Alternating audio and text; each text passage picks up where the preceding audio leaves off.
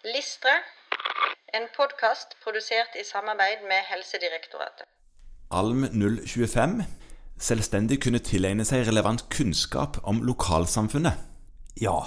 Så nå skal vel disse jobbe som allmennleger først og fremst, og ikke samfunnsmedisinere?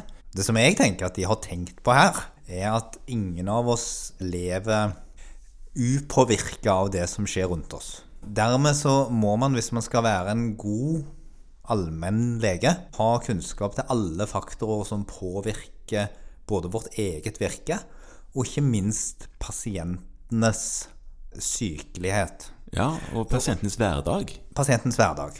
Pasientens helse, kan man Ja, skal si. det kan man si. Og da er det sånn at alle aspekter av det, hvor du bor, om du er fra en liten bygd, bor i en liten bygd, Mm, Jobber i en liten bygd oppe i skauen, ja, eller er en butikkansatt i en storby. ja, eller er det en storby, altså er det eh, Hva slags miljøer er det i det lokalmiljøet du jobber i?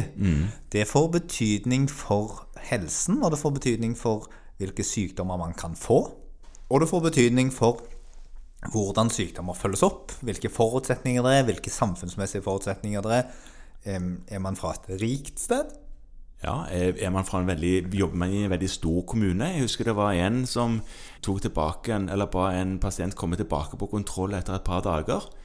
Og denne allmennlegen visste jo ikke at denne pasienten måtte nærmest ro en halvtime for å komme seg til legekontoret. Ja. Så kjente ikke til geografien, rett og slett, der, Nei. der han jobba. Det å ha kunnskap om lokalsamfunnet, det gir deg da bedre grunnlag til å beslutte, både på individ og på samfunnsnivå. Det vil gjøre deg bedre grunnlag til å utrede, fordi du vet noen ting om hva du kan forvente.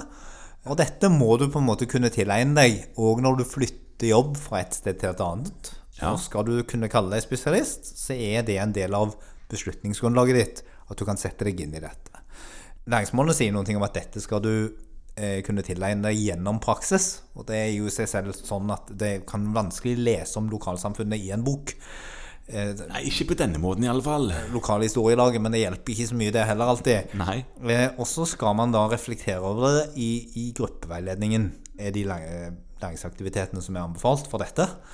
Sånn at på den måten så kan man da så skaffe seg bedre kunnskap om samfunnet rundt oss, og på hvilken måte det påvirker helsen til våre pasienter. Ja, og når du nevner gruppeveiledning, så er det jo vanligvis sånn at eh, deltakerne i, én gruppe kommer fra samme region. Men sånn er det jo ikke alltid, og da får man Det er noen ganger litt fint, fordi da ser man hvor stort spenn det kan være i hvor mye det betyr om pasienten bor i en liten bygd eller i en litt større bygd litt i nærheten. At det er forskjell. At det blir veldig tydelig i gruppeveiledning noen ganger. Variasjon er ofte stimulerende.